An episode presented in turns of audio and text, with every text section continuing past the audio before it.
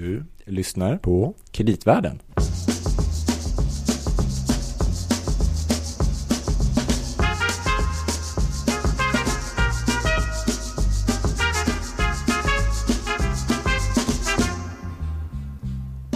Jaha Louis, Gabriel, nytt år, nya möjligheter. gud vad härligt. Ja, men tyvärr tillbaka då i den här, eller jag vet inte, vi kanske aldrig lämnade den här skärmtillvaron även för podden. Men här är vi i alla fall. Kreditvärlden, Ja. det är en podcast om kreditmarknaden, men såklart även de andra finansiella marknader och allting som egentligen påverkar det här, vilket är mycket, inte minst det som vi ska prata om idag. Eh, Men Louis Landeman heter du. Och du heter Gabriel Bergin. Mm. Det här Ja, är det är en podd av och med oss, eller hur? Ja, precis. Ingen annan. Mm. Nej. Kommer du ihåg det Gabriel, att förra året vi slutade lite på en positiv eh, tongång där ju. Ja, Nästan precis. överraskande. Ja, allt är möjligt. Ja. Ja. Men vi pratade ju, vi kom in på det här med social hållbarhet Exakt. som har blivit ett eh, liksom mer fokusområde faktiskt även på finansiella marknaderna. Och Mm. det är ändå ett väldigt intressant område så att vi tänker att vi ska gå vidare lite grann på det här temat. Mm. Och, eh, och sen, kanske ja. med något exempel på liksom vad, vad är det som gör att en, ett bolag eller någons, någonting som man finansierar är mer eller mindre hållbart eller leder till mer eller mindre hållbara konsekvenser. Ja, men kanske även tänker jag att vi pratar ju ofta också om och med bolag och det är mycket kanske man har policies och riktlinjer och sånt där och Mm. det kan se väldigt bra ut men sen blir liksom frågan, ja men hur ser det ut i verkligheten då? Just det. Det tänkte jag att det vore intressant att göra ett nedslag i verkligheten. Ja, Eh, och eh, som vanligt så är det så att vi behöver ju ha bra gäster med oss när vi ska göra de här grejerna. ja. För vi befinner oss så långt från verkligheten, tänker du? Ja, exakt, precis. Och vi Mm. kan inte så mycket. Nej. Men då är det tur att vi har en sån idag. Då. ja, Ja. Och det här är ju lite av ett kärt återseende faktiskt. Ehm, Så att, vi ska se om vi har med dig Lennart Weiss. Du är kommersiell direktör på Veidekke. Finns du med oss? Jag är med. Vad härligt. Du är, Välkommen. har ju, du är en kär gäst hos oss. Blir man det när man är med andra gången alltså? Ja, det beror på. Eh, Vissa. Nej. Men ja, vi tittade ju tillbaka. Vi tyckte att det var så nyligen du var med, men det visade sig att det var faktiskt fyra år sedan. Ja. Då pratade vi om bostadspolitik i Sverige. Undrar, eh, hur skulle vi säga att det har gått de senaste fyra åren sedan du var och gästade oss? Har det hänt något? Ja, det beror på vad man menar. Alltså, en del pratar ju om den här frågan som byggpolitik. Va? Det, det är klart, då kan man säga att det har byggts ganska mycket i Sverige. Har man löst eller har de bostadssociala problemen förbättrats eller försämrats? Skulle jag snarare säga att det har gått åt fel håll. Ungdomar eh, har svår, ännu svårare att ta sig in på bostadsmarknaden idag.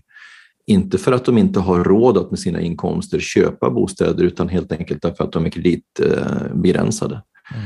Och sen har vi liksom socialgrupp 4 som är ett problem som håller på eh, som, som samhället håller på att tappa kontroll över. Alltså min, min bedömning utifrån de siffror jag kan ta del av det är att ungefär 100 000 hushåll i Sverige eh, inte har fotfäste på bostadsmarknaden i ett, av, i ett samhälle som är rikare än någonsin. Så att i den meningen har det inte gått framåt, så har det gått bakåt. Det här, men problemet är ju då att eh, det här är ju fortfarande en, en mar marginalproblematik. Den stora allmänheten har sitt bostadsbehov löst och då blir det liksom ingen jättestor fråga. Men det är en stor fråga i Stockholmsregionen och det är en stor fråga för den unga generationen och jag är faktiskt rädd för att den unga generationen tappar, ehm, eller i varje fall att deras tilltro till samhällskontraktet skadas av att man liksom inte får samma chans att etablera sig som tidigare generationer. Man har stängt dörren bakom sig och jag tycker att det är eh, oerhört utmanande. Det är intressant det du säger, särskilt eftersom att det också egentligen finns en ganska stor bred enighet. Det är inte så många som ifrågasätter den bild du beskriver. Men det här är ju jätteintressant, men det kanske vi får återkomma till nästan i en annan podd, eller hur Louis? För att vi skulle prata Men om... det, det var det jag tänkte. Jag lyssnade så bara, men det här måste vi också prata om. Ja. Du, det insåg jag direkt, så du får ju komma tillbaka någon mer gång och Ja. Fyra år. kring det.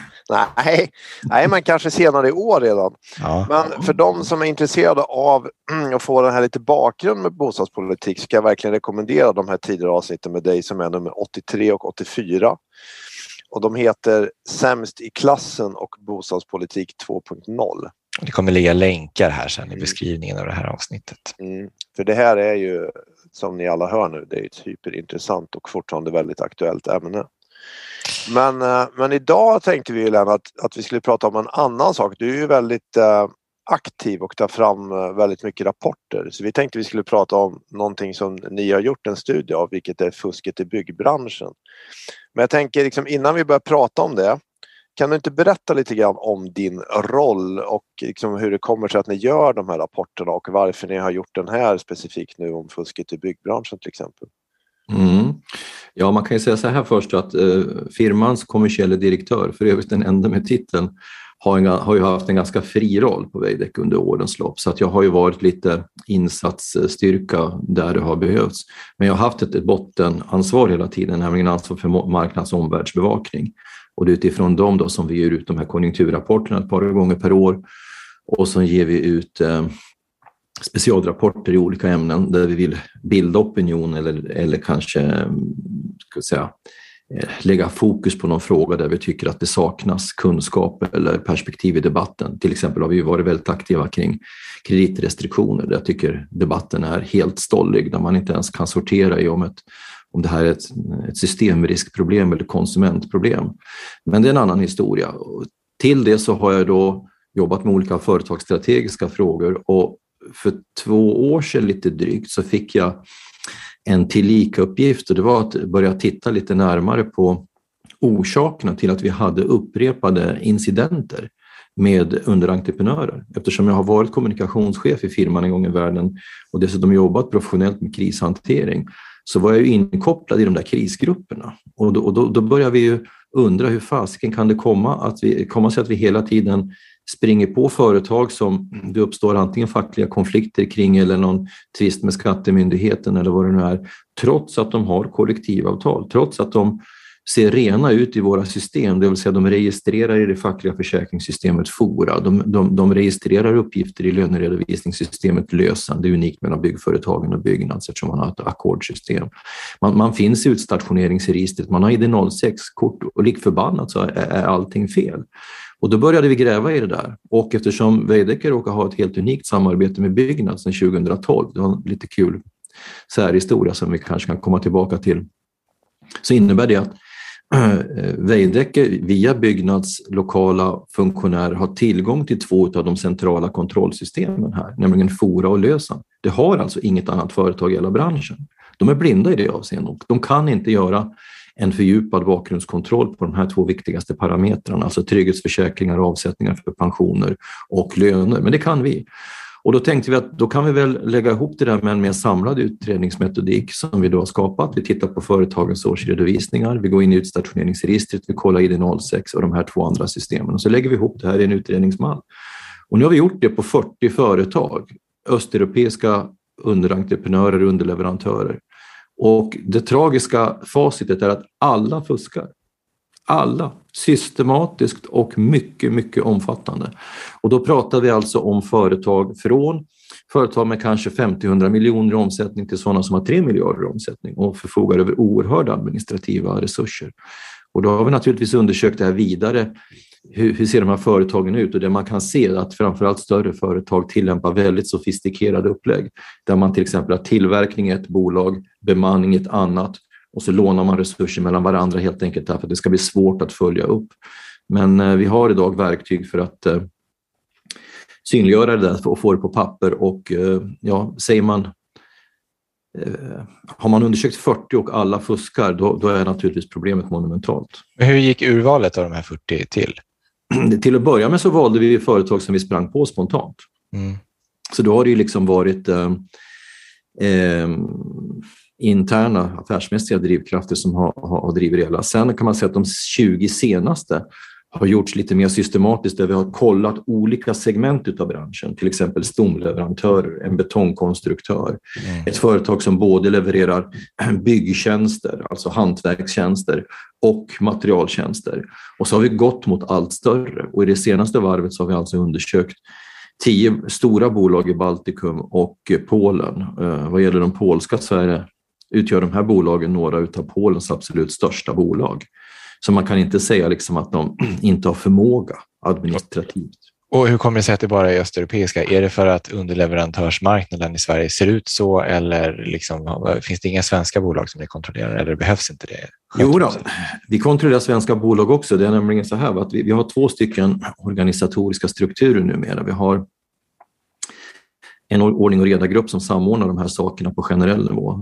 Där gör vi då, genom den så gör vi då de här bolagskontrollerna. Men sen har vi ett så kallat leverantörsråd där vi tar mörka beslut, alltså icke-offentliga beslut om bolag som vi har upptäckt avvikelser på utifrån etiska betingelser.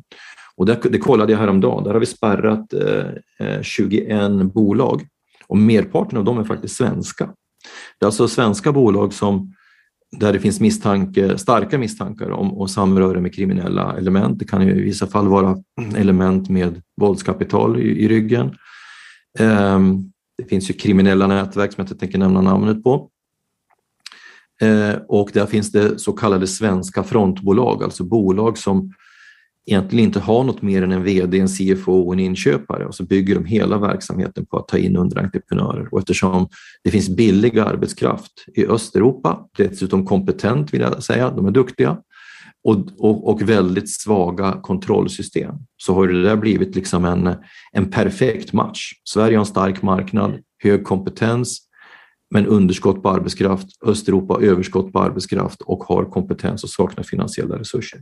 Så att här, det har blivit en perfekt match och det har ju då gjort att branschen har ändrat karaktär. Så från att man har gjort väldigt mycket egen regi så agerar man eh, i väldigt stor utsträckning idag som någon sorts eh, semi alltså hybridföretag där man, man är inte ett rena construction management-bolag där man så att säga lägger ut allt, man sitter fortfarande och har huvudentreprenörsansvaret och tar den finansiella risken, men man köper in väldigt mycket underentreprenörer som gör det faktiska jobbet och det är ett branschmönster som finns rent generellt.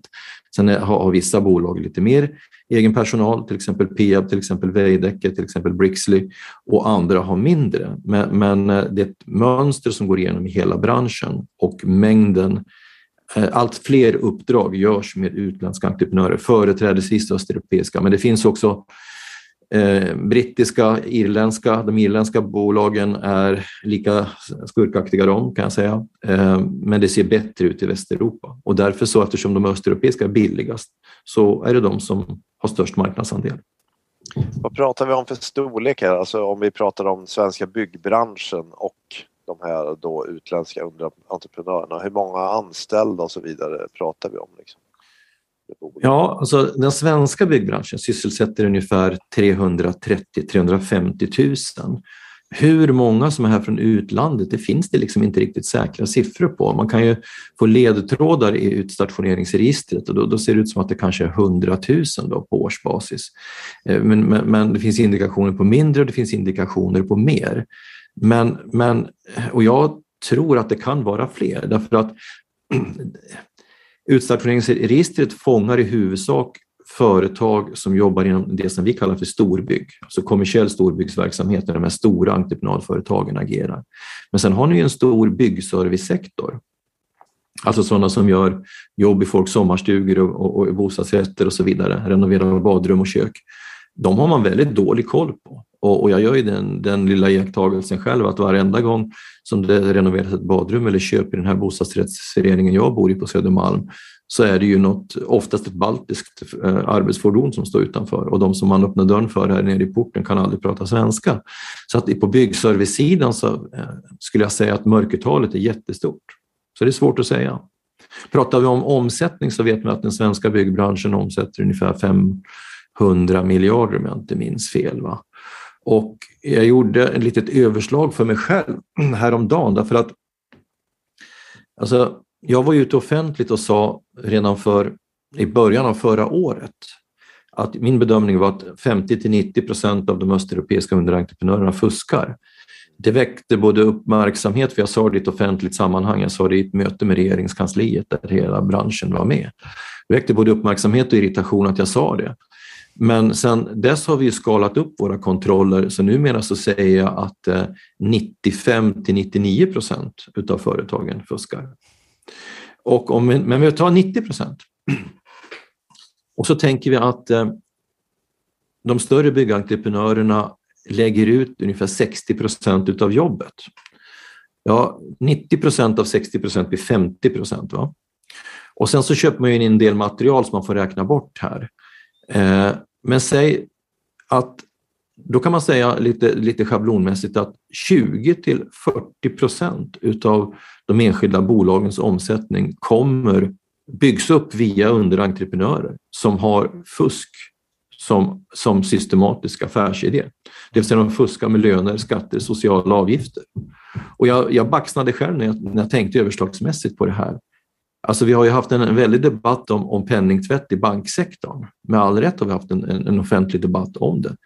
Men med tanke på att den här branschen är en av de största i Sverige och omfattningen är så här stor så betyder ju det att vi har alltså en arbetsmarknadskriminalitet kopplat till den här sektorn som är eh, helt makalös. Och jag är själv förvånad över att det inte har blivit större uppmärksamhet på den här frågan eh, än det har blivit. Och jag är själv oerhört överraskad över att en så stor del av det kommersiella Sverige, men framförallt det offentliga Sverige, har blundat så länge. Därför att eh, eh, värst när det gäller eh, grenen politisk ignorans är ju de offentliga beställarna. Jag är enormt kritisk till Trafikverket och de regionala infrastrukturbolagen. De på ren svenska skiter i det här problemet.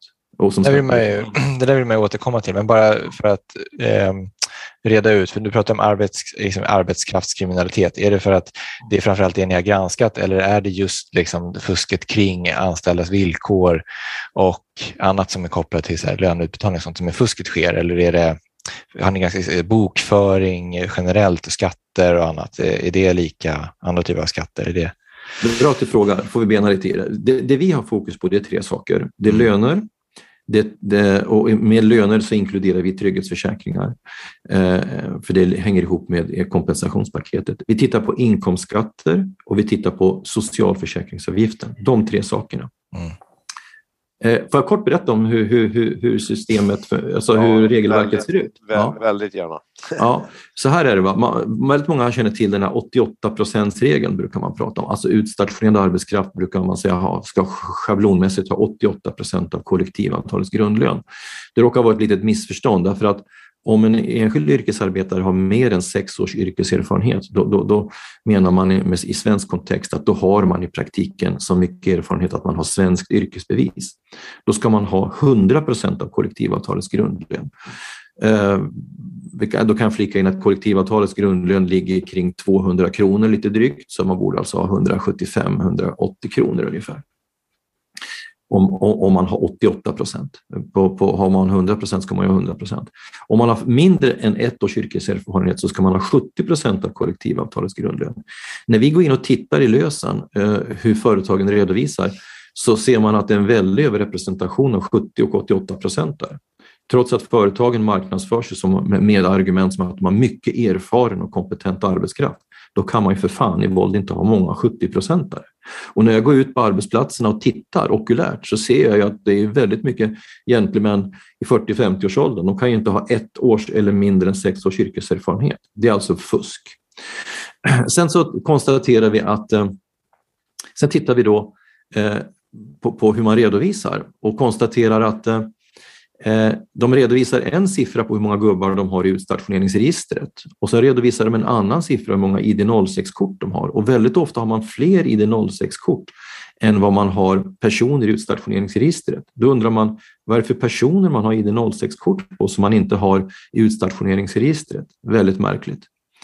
Eh, sen så konstaterar vi att Sen går vi tillbaka, då, vi går tillbaka till företagens årsredovisning och så undersöker vi det här med löner. Och om företaget har sin huvudverksamhet i Sverige, vilket väldigt många har, då är det här en väldigt enkel division. Det finns nämligen en rad i årsredovisningen för yrkesarbetarlöner och en rad för antal årsarbetstimmar. Så du kan alltså bara göra en enkel division och då får du fram den faktiska lönen. Och om, den, om den, den, den teoretiska lönen ligger kring 175-200 kronor så är den faktiska lönen väldigt ofta 30 till 60-70 kronor. Undantagsfall över 100 kronor. Så fusket med löner är väldigt omfattande och då betyder det att då får de ju inte heller samma avsättning eh, i, i pensionsavgifter och annat. Sen så ser man ju då av årsredovisningen eh, så, så, så, att säga var de har sin huvudverksamhet Och om de har sin eh, huvudverksamhet eh, i utlandet, då ska alltså socialförsäkringsavgiften betalas där man jobbar. Har man huvudverksamheten i hemlandet, vilket definieras som 25 procent av omsättningen eller mer, eller den enskilde jobbar i, två länd, eh, i tre länder eller fler, då kan man betala socialförsäkringsavgiften hemma och vara här med så kallat A1-intyg. Vi kan se i årsredovisningen att man uppfyller inte de här undantagskraven. Ändå är nästan alla gubbar här med A1-intyg. Varför? Jo, det är för det är naturligtvis lättare att mygla undan socialförsäkringsavgiften i hemlandet än i Sverige. Och sen har vi då, då det här med skatten. Skattereglerna är så här att om man är i Sverige och har så kallat fast driftställe, där finns, där, där, det finns olika regler för fast driftställe mellan olika länder. Det finns olika undantag där i, i, i det fördrag man har med EU, men det brukar vara sex eller tolv månader. Vi säger sex månader. Om projektet då varar mer än sex månader, då har projektet fast driftställe. Då ska företaget dra inkomstskatt från dag ett. Eh, och efter och det, och det, är dessutom på det sättet att om den enskilde yrkesarbetaren är i Sverige mer än 183 dagar, då ska han betala schablonskatt, zinkskatt, 25 procent. Men förutsättningen för båda de här sakerna är att gubbarna har samordningsnummer. Tror ni att de har samordningsnummer? Nej, det har de inte. Mm. Det, är inget, och, och, det är inget man måste ha eller? Nej, men jo, du måste ha det om du är skattskyldig i Sverige. Då måste du ha ett samordningsnummer. Och, och redan vid fast driftställe så är det ju så här att om företaget ska kunna dra inkomstskatten, vilken de har en skyldighet till, då måste ju den enskilde ha ett samordningsnummer. Och, och, det har de alltså inte. Och, uh, väldigt ofta så har de inte det, vilket gör att det är svårt för både oss och skattemyndigheten att följa eh, skatteinbetalningarna. Vi, vi, vi, kan ju, vi kan inte längre hämta utdrag från eh, företagens skattekonto i, i, eh, hos Skatteverket, det kunde vi förr. Men vi kan begära ut av de enskilda företagen och vi kräver i våra entreprenadavtal numera att vi, kan, att vi har den rätten. Och begär vi ut ett sådant registerutdrag, då ser vi att det finns en diskrepans mellan teoretisk eh, inkomstskatt och faktisk. Eh, vilket betyder att man fuskar alltså också med skatterna. Och om man då tänker sig så här, jag gjorde en matematik, skrev en artikel i Affärsvärlden här eh, under hösten, där jag bara gjorde en matematik. Jag la ihop den, den, den lönesumma som man ska betala med de eh, socialförsäkringsavgifter man ska betala, med de trygghetsavsättningar som man ska göra och så vidare och kom fram till att även en östeuropeisk yrkesarbetare bör kosta drygt 300 kronor i timmen. Säg 310 landade jag på. Och det jag ser att de här företagen har i total lönekostnad, det är i bästa fall 150-160 kronor.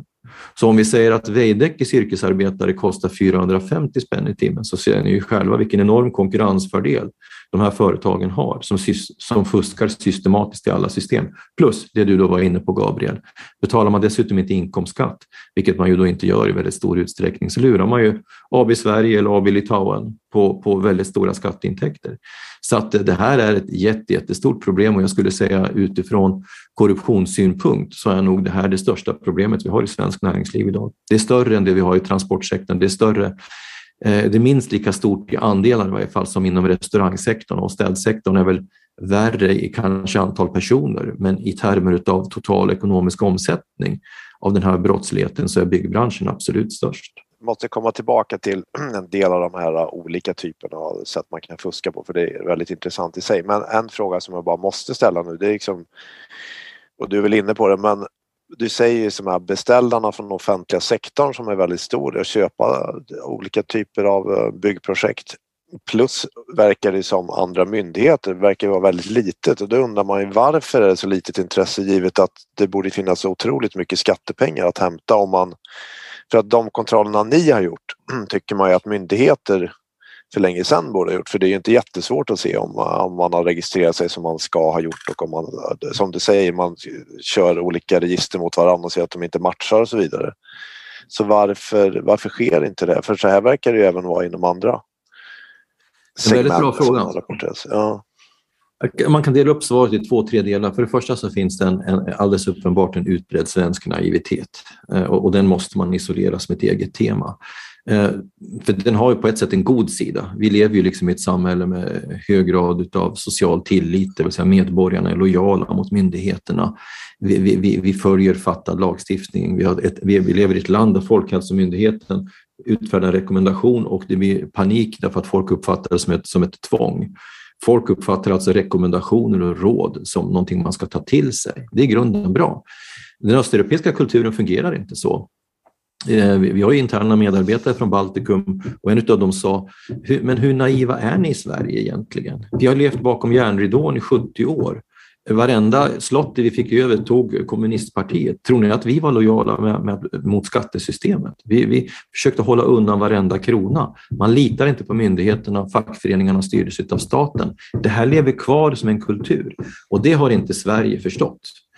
Eh, det är den ena delen. Den andra delen är att de här tjänstemännen som jobbar med de här frågorna, de är enormt kunniga. Vi har ju idag ett organiserat samarbete med både Ekobrottsmyndigheten och Skattemyndigheten. Eh, jag kan säga att det uppstått en vänskap delvis här där vi, där vi delar liksom information med varandra och, och stöttar varandra. De är oerhört kunniga, men de, upp, de säger unisont att eh, till, fram till helt nyligen så har deras stöd uppifrån varit ganska svagt, i varje fall i, en konkret mening, i meningen att man har fått de resurser man behöver. Mm. Och sen har vi det för det tredje, eh, det, det svenska eh, den svenska lagstiftningen kring sekretessregler som ju har tillkommit i ett gott syfte men som idag är ett jävla problem. Jag kan ta ett exempel. Alltså i Arbetsmiljöverkets utstationeringsregister så, så registrerar ju då eh, man tydligt var, varje projekt som då anmäls till Sverige. Man, går man in i registret så kan man se eh, företag för företag vilka projekt som uppfyller kraven på fast driftställe.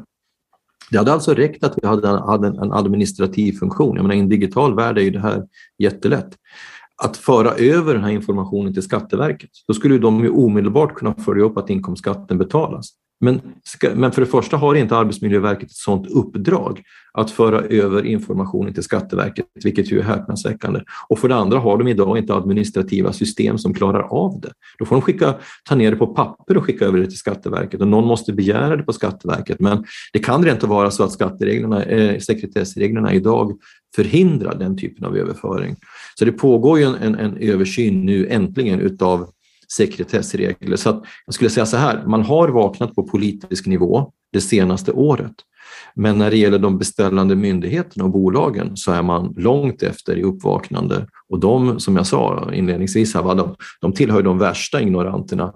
Eh, vi ser ju många exempel på att man tar bort kvalitativa krav i, i, i eh, upphandlingarna för att det gör liksom deras upphandling krånglig, alltså sådana kvalitativa krav på miljömässig och social hållbarhet och upphandlar bara på lägsta pris. Och det är klart att då skapar man ju ett incitament via plånboken att helt enkelt gena i alla kurvor som går, därför du kan inte få ett uppdrag annars. Du, du, du, du har inte en chans att konkurrera. Men det här är en sån här intressant sak apropå då vad man så att säga redovisar offentligt och vad som sen kommer ut i, i verkligheten. Eh, för att om man tar till exempel en kommun eller en annan offentlig beställare så är det väl ofta så att man officiellt i alla fall säger att man ska främja olika, som du säger, hållbarhet eller miljömål och annat. Men sen i praktiken kan det bli på ett helt annat vis uppenbarligen. Ja, precis så. Det blir helt annorlunda och i, i, delvis så skulle jag säga, eh, i, vissa fall är jag helt övertygad om att det är en medveten ignorans. Man blundar helt medvetet och i andra fall så vet man inte bättre. Och, och, och på det senare temat så kanske jag har viss förståelse, för jag menar, ta bara den här debatten kring Magdas städhjälp. Då, då säger liksom TV4s reporter att, att det vet ju alla att om man har, bara har kollektivavtal så vet man att det går rätt till. Nej, det, det så är det ju inte. Våra egna undersökningar och Byggmarknadskommissionens analyser som presenterades på DN Debatt 15 september visar ju samma sak att det är ingen skillnad på företag som har kollektivavtal och som inte har kollektivavtal. Även de som har kollektivavtal fuskar.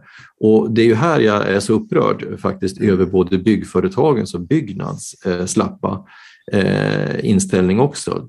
De har de har, de har befunnit sig i någon sorts skyttegravskrig ett bra tag nu och kastat skit på varann och, och flytta problemet mellan varandra. Jag menar att båda är en del av problemet. Byggföretagen Eh, har alldeles för låga trösklar eh, när de bedömer företagen i samband med att man söker inträde. Och Byggnads, ja, för det första, man kan frita dem på ett sätt, de kan inte förhindra företag att söka eh, hängavtal, för skulle de göra det då skulle den svenska modellen ifrågasättas av EU, den här så kallade partsautonomin vi har i Sverige.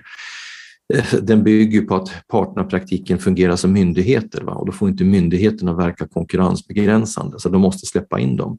Men Byggnads säger ju helt öppet att om inte de har en medlem på, på ett projekt, då har de heller inget eh, primärt intresse av att kontrollera det projektet. Det vill säga den de har hängavtal med. Det kostar 4 500 ungefär att få ett hängavtal, det är ju ingenting. Så att, det betyder ju att det, det, det, man kan kalla för kontroll och granskning är ju helt undermålig. Helt ja. undermåligt. Och det, där tar man inte sitt ansvar, för här måste jag göra en viktig poäng. Den svenska modellens innebörd är att det är parterna som reglerar villkoren på arbetsmarknaden. Men därmed har man också en skyldighet att, att se till att villkoren hedras. Det är den svenska modellens kärna. Det är parterna.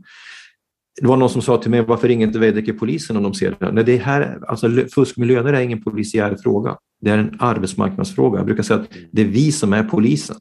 Jag brukar tänka själv att jag har en, en, en, en imaginär polismössa på mig när jag jobbar med det här.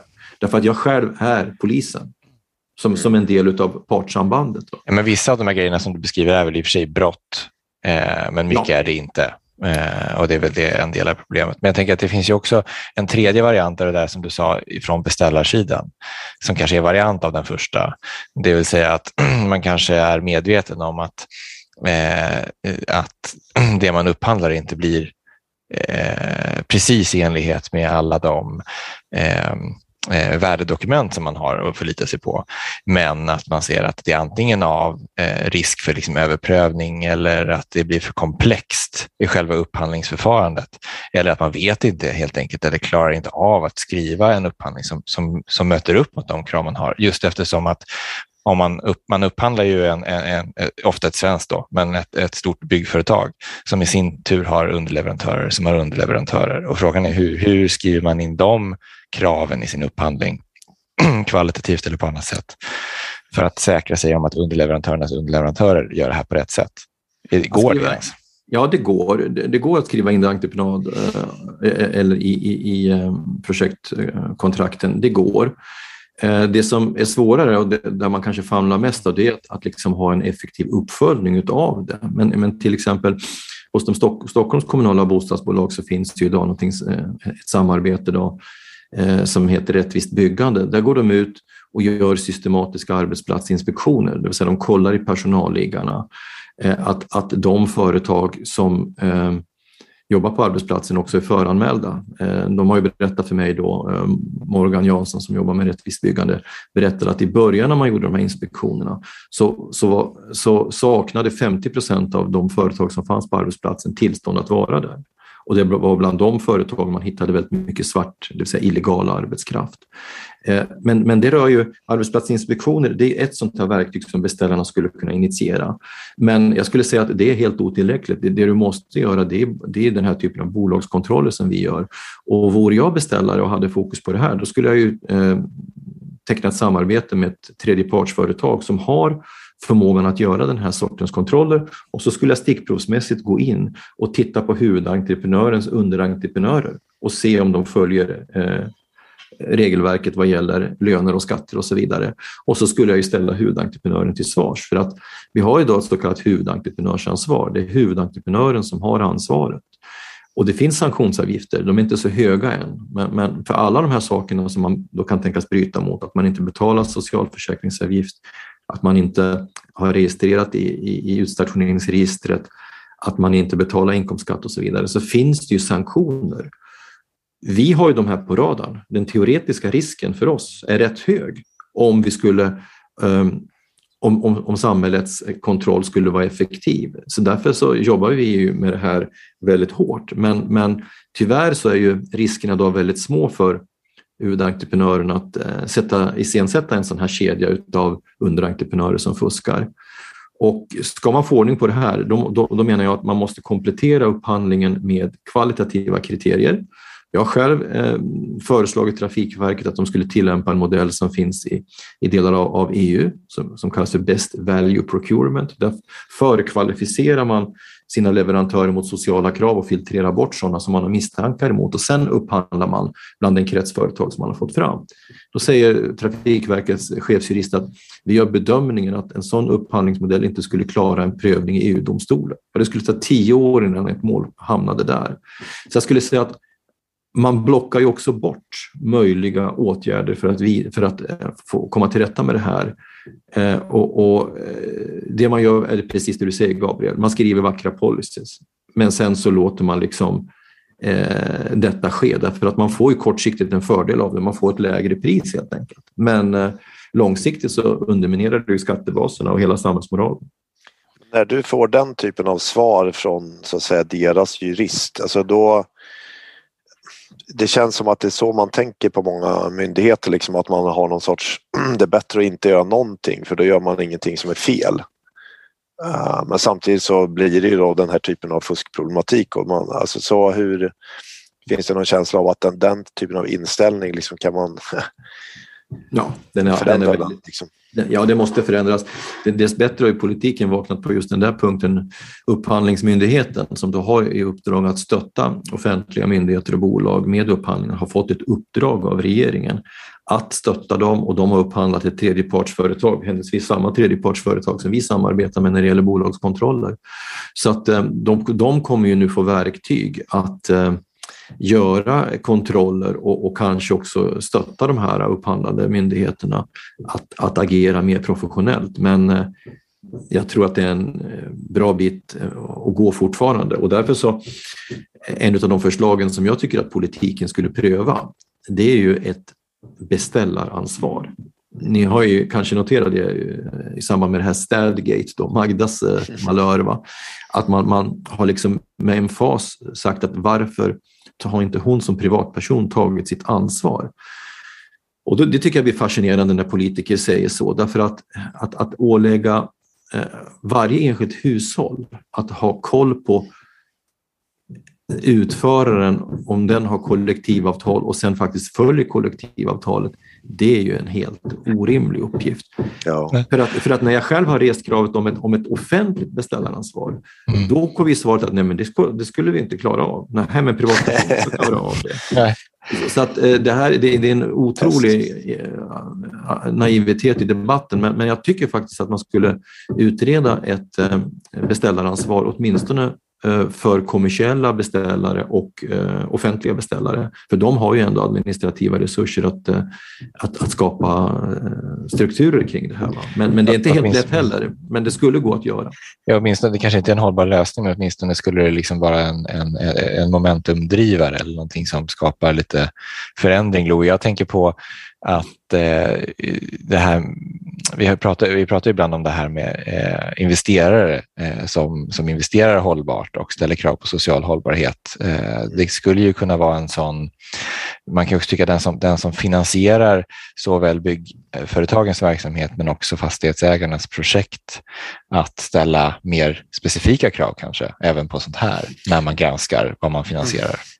Nej men absolut och det är väl också så att eh, exempelvis banker om man ska vara med på byggprojekt kan man ju tycka då, och det finns ju sådana projekt också, att man ska gå in och vara, med, liksom, vara väldigt specifik i vilken typ av eh, krav och eh, kontrakt man vill se och typ av hur, platskontroller och allt sånt där som du säger. Så att man måste väl helt enkelt ner på en någon form av större detaljnivå men det, det kräver ju en kunskap.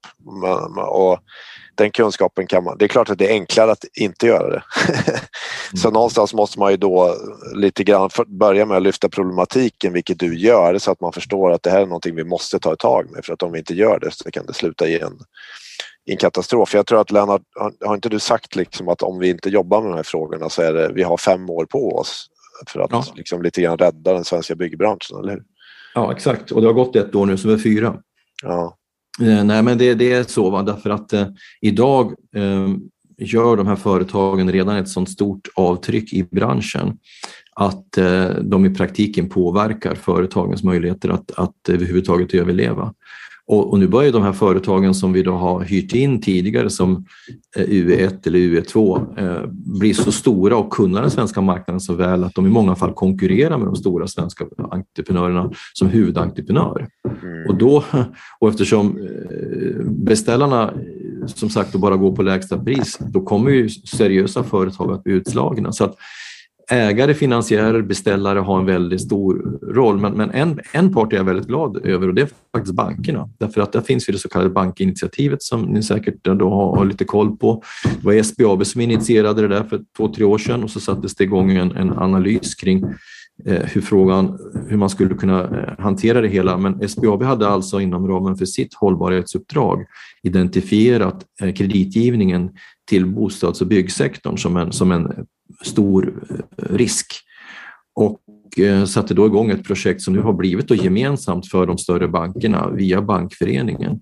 Och från och med i år så initieras det då krav mot de som finansiera ett bostadsprojekt eller byggprojekt via eh, någon av affärs, större affärsbankerna att man ska tillämpa bankinitiativets eh, krav på, på, på, på, kontroller, men det är framförallt då arbetsplatskontroller.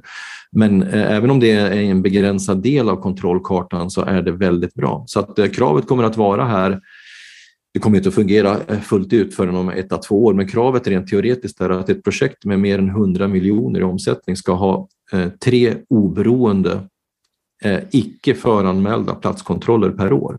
Och projekt på mellan 10 och 100 miljoner ska ha ett oanmäld, en oanmäld arbetsplatskontroll per år. Så att eh, om huvudentreprenören då åker dit i den kontrollen, då drabbar det beställaren, alltså byggherren som har beställt projektet. Och den kommer i sin tur ställa penalties mot huvudentreprenören. Så här finns det liksom ett, ett kommersiellt tryck eh, mot branschen som jag tycker är ruskigt bra. Jag tycker det är ruskigt bra. Och eh, det har ju bara hos oss fått till följd att vi ser över hela systemet för arbetsplatskontrollen, hur vi själva kontrollerar personalliggarna administrativt och vi kommer själva att göra proaktiva arbetsplatsinspektioner med ett nytt kontrollsystem som, som gör att vi själva har 100 i koll, för det har vi inte idag. Det finns ingen som har 100 i koll. Men skulle du säga, för att å ena sidan kan man säga att allt du har berättat låter väldigt negativt men du berättar också om en del positiva initiativ så är det liksom mm. sammantaget skulle du säga att du är optimistisk nu, att du känner att nu äntligen börjar hända någonting eller är du? Ehm, Ja, alltså det står och väger lite, men, men jag, är mer, eh, jag, jag är ändå benägen att säga att eh, det har vänt. Eh, insikten om problemet har vuxit. Eh, och det har hänt ganska fort. Alltså för, för 8-9 månader sedan då, då, mötte jag fortfarande öppet motstånd eh, i branschen mot den verklighetsbeskrivning som jag gör då, eller gjorde då. Men efter Byggmarknadskommissionens stora analys som presenterades då i september så är det ingen som ifrågasätter det här längre. Det finns olika grader av passivt motstånd, det gör det, men i grunden så är jag helt övertygad om att de stora svenska byggentreprenörerna, även mellanstora och, och, små, men svenska bolagen vill jobba på rätt sätt. Alltså det är inte så att jag tror att jag har andra värderingar än eh, mina kollegor på konkurrentföretagen. Vi har samma värderingar, men, men vi har haft olika verklighetsbild och vi har olika verktyg. Veidekke har definitivt de bästa verktygen idag i branschen att göra kontroller och vi har ett samarbete med Byggnads som är helt unikt som gör att vi Eh, under tio års tid har liksom tränat på de här frågorna. Men, men, och det har gjort att vi har haft en bottenplatta att ta sats ifrån när vi nu går vidare och vi införde själva krav på endast UE i två led 2016. Vi kommer sannolikt eh, inom kort här införa ett tvingande regelverk mot våra underentreprenörer att alla som jobbar på våra projekt ska ha samordningsnummer. Så vi tittar hela tiden på åtgärder och, och det här Ehm, och andra företag vidtar andra åtgärder. De, man försöker skapa, skaffa sig egna kontrollsystem i många företag, även om jag tycker att de är bristfälliga, i varje fall de jag sett så här långt. De kontrollerar ju bara om man har kollektivavtal, om man registrerar i Fora, men inte om man de facto, att man de facto efterlever reglerna. Så att det finns fortfarande stora brister, men jag tycker att branschorganisationen Byggföretagen idag gör ett seriöst jobb kring det här. De har förstått problemet. De är kanske fortfarande osäkra exakt hur man ska sätta ner fötterna, men de har förstått problemet. Byggnads har förstått att de inte heller är utan skuld och de tillsammans har insett att de måste hjälpas åt och har skapat en åtgärdskommission som ska jobba fram till sista juni för att komma med förslag. Och den 24 januari i år, så kommer, 25 januari, kommer Byggmarknadskommissionen med sin stora rapport som jag tror kommer bli startpunkten för en ganska eh, djup diskussion i branschen. Så att jag, jag, jag, jag tecknar en negativ nulägesbild helt enkelt för det är så det ser ut. Men jag tycker att det har skett ett uppvaknande och jag tänker att innan jag går i pension, då ska nog det här i allt väsentligt vara under kontroll. Och då kan jag meddela att gubben fyller 64 i år. Så att, eh, det, får inte ta så många, det får inte ta så många år till. Nej, du vill ju inte jobba för många år till kanske. Nej, jag har någon sorts eh, tänkt eh, slutpunkt, men den tänker jag inte göra offentligt. Den är inte 65, det kan jag säga, men, men eh, det, det, det, jag tänker inte jobba till 75 heller. Nej, jag förstår. Men bara en sista så här, liksom, för att uh, uppföljande fråga på det här med att, som du sa, att vi är, är eller har varit väldigt naiva i Sverige kring sånt här. När vi pratar om bostadspolitiken, då var vi ju sämst i klassen, kom vi fram till i den där podden med dig. Om du drar några paralleller med kanske nordiska grannländer och så här, har du någon känsla för hur ser det här problemet ut i Sverige kontra om man kan ta Norge eller något annat skandinaviskt? Alltså står vi oss, är det mycket värre här eller är det ungefär samma överallt? Eller? Ja, jättebra fråga. Det är faktiskt lite olika och problemet är nog olika stort också. I Norge är det lite mindre av det enkla skälet att i Norge finns det en sorts nationalism som man antingen kan tycka är positiv eller negativ. Eh, ibland kan jag tycka att den tar sig lite övertoner men, men, men i den här meningen så är den positiv på det sättet att man, man, man eh, eh, eftersträvar att ha en större andel egna yrkesarbetare och, och kompetens in-house. Och där har man också ett mycket bättre organiserad myndighetssamverkan i det som kallas för A-krim. Och inom branschorganisationen finns det också ett bra samarbete. Så att, jag skulle säga att läget är något bättre där, men de östeuropeiska bolag som opererar i Norge, de fuskar lika mycket där, ska jag säga. nästan lika mycket i varje fall. In, inte riktigt lika mycket, men, för de har trots allt lite bättre kontroll. Men, men, men att fusket förekommer i stor skala i Norge också, det är jag säker på. Finnarna, de är ju lite management by Perkele va, som, som bekant, så de, de införde ju redan jag tror, 2014 krav på ett um, ett obligatoriskt skattekort. Så att för att mm. överhuvudtaget få jobba i Norge så måste du ha ett personligt skattekort. I, Finland? I Finland. I ja. Finland ja. Och det tycker jag är ett väldigt bra grepp därför att det gör att hela den här identitetsproblematiken som vi fortfarande brottas med i Sverige, den har man mycket, mycket bättre koll på. De har mindre problem med illegal arbetskraft från tredjepartsland därför att man är ute och kontrollerar de här skattekorten regelbundet. Och när man införde det så ökade också skatteintäkterna till finska staten ganska betydande.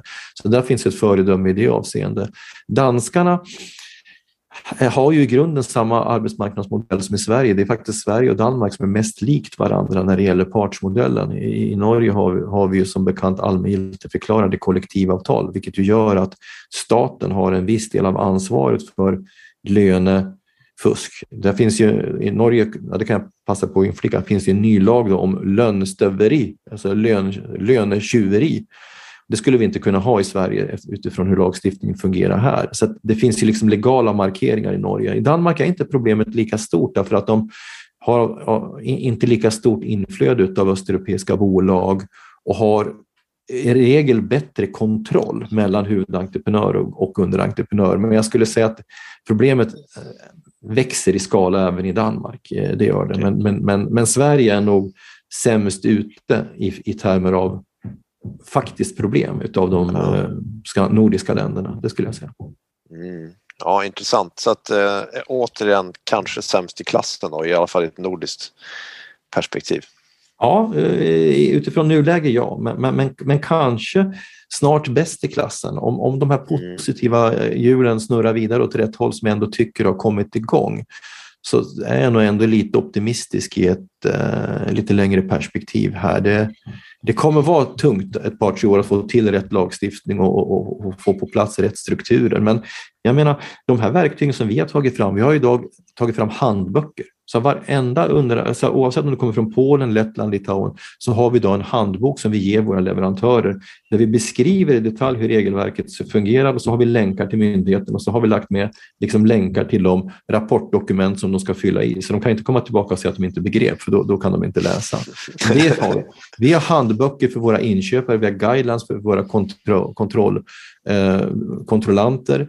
Vi samarbetar med tredjepartsföretag som kan hantera stora datamängder och göra jättebra rapporter.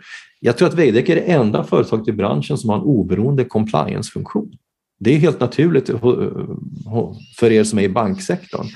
Det vore helt naturligt att man inrättar sådana funktioner ja. så att man börjar jobba systematiskt med det här. Men jag tror att det ser helt annorlunda ut om ett år. Jag tror att det har tagit stora steg framåt så att jag är ändå lite optimistisk. Nu har vi inte företrädare för några andra av de stora byggbolagen här som kan försvara sig, men, så vi får ta det på orden helt enkelt, Lennart. Jag tänker för de som blev superintresserade här så låter det som att 25 januari är nästa hållpunkt att, att lägga in i kalendern när den här eh, rapporten kommer från Byggkommissionen. Ja. Och det blir ett webbinarium så man kan gå in på Byggmarknadskommissionens hemsida och så anmäla sig så kan man vara med på webbinariet. Mm. Så jag också säga det att man kan följa en del av, nu, nu breddar vi lite med bostadspolitik, men ni har ju den här uh, sajten. Kan du berätta lite mer om den också för de som är intresserade av sånt?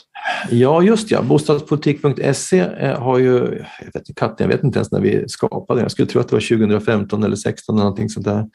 Ehm, den, den har ju då fungerat som Ja, vi har ett utgivarbevis så att vi, vi, vi är i en, i en, formell mening har vi varit en mediekanal ganska länge men det har ju blivit mer och mer till ett, ett, Eh, ett både kunskaps och debattnav för branschen. Vi ger ut liksom en Veckans Aktuellt på fredagar som är en sammanställning av allt av betydelse som har sagt i bostadsdebatten under veckan.